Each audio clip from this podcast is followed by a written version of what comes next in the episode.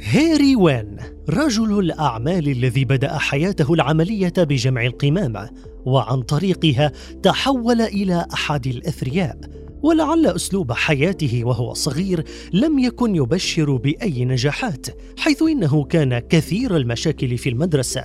كما أنه كان مشاغبا على المستوى الأسري بالإضافة إلى أنه عاش في أسرة مفككة حيث إن والده ووالدته قد تطلقا وعمره لم يتخطى الخامسة عشرة. وبناء على تلك الأحداث قرر أن يترك الدراسة ومن ثم قرر العمل ليساعد أمه على النفقات. وبالفعل حصل على وظيفة سائق سيارة ولكنه تركها وعمل في إحدى محطات البنزين. وتركها أيضا واشترك في الجيش الأمريكي ولكنه بعد فترة قصيرة لم تتجاوز السته أشهر قرر أن يتركه وبعدما تركه تزوج وبدأ في البحث عن وظيفة جديدة. تحول هاري وين إلى رجل الأعمال المشهور. بعدما تزوج حصل وين على وظيفة جديدة. وكانت مهمته استقطاب عملاء جدد لإحدى شركات جمع النفايات. بالإضافة إلى ذلك كان يعمل سائقا لدى الشركة لجمع القمامة من العملاء. والجيد هذه المرة أن هاري استمر في وظيفته لمدة عامين ولكنه تركها بعد ذلك.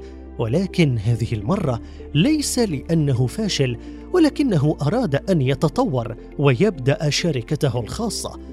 وهذا ما حققه بالفعل عن طريق شراء سيارة صغيرة مستعملة من أحد أصدقاء العائلة بسعر خمسة ألاف دولار حصل عليها كقرض من والد زوجته. وبعدما أصبح جاهزا بدأ العمل مع مجموعة من العملاء الذين تعرف عليهم خلال السنتين الماضيتين ليخطو بذلك خطوة صغيرة نحو لقب رجل الأعمال. أسباب نجاح رجل الأعمال هاري وين. هاري وين كان نشيطا جدا في العمل. كان يستيقظ من نومه في وقت باكر جدا وبالتحديد في الساعة الثانية والنصف صباحا ليقود سيارته ويبدأ في جمع القمامة من أمام منازل العملاء المتفق معهم على ذلك حتى الظهيرة. وأدى ذلك إلى رضا عملائه بشكل كبير جدا وكانوا يتزايدون مع الوقت. بالإضافة إلى ذلك كان يعمل في التسويق بنفسه بعد الانتهاء من العمل عن طريق دق أبواب الناس وعرض خدماته عليهم. وبعدما زاد عملاءه كان ولا بد من شراء سيارات أخرى ليستطيع خدمتهم بجودة أعلى وكان يضرب عصفورين بحجر واحد في هذه الجزئية حيث كان يشتري سيارات الشركات المنافسة له. الإندماج مع شركة أخرى. في نفس الوقت الذي كان يحقق فيه رجل الأعمال هيري وين نجاحات كبيرة على مستوى ولاية فلوريدا كان هناك قريب له يحقق نجاحات جيدة في ولاية شيكاغو واتفقا على الاندماج تحت هدف مشترك وهو السيطرة على مجال جمع النفايات على مستوى الولايات المتحدة بأكملها. وبالفعل تم الاندماج وكذلك الانتشار. ولا يزال رجل الأعمال وين يتبع سياسة شراء المنافسين عن طريق شراء سياراتهم والتطور على حسابهم لدرجة أنه في خلال عشر سنوات فقط من بدء عمله كجامع للقمامة استطاع الاستحواذ على 133 شركة صغيرة وحقق أرباحا تصل إلى 82 مليون دولار بعد طرح أسهمها في البورصة. كذلك كان يخدم 600 ألف عميل ويشغل 60 ألف عامل وموظف لديه. استثمارات أخرى لرجل الأعمال وين؟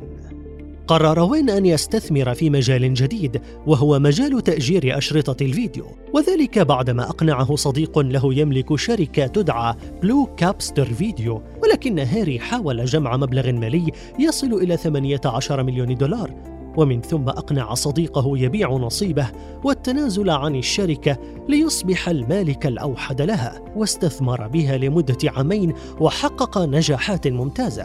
وطرح أسهم الشركة في البورصة واستثمر الأرباح في شراء المنافسين حيث اتبع نفس السياسة التي نجحت معه في السابق. كذلك استثمر في مجالات أخرى مثل السيارات وحقق بها نجاحات باهرة. رجل الأعمال هيري وين يثبت لنا أن من يريد النجاح عليه الكفاح من أجله.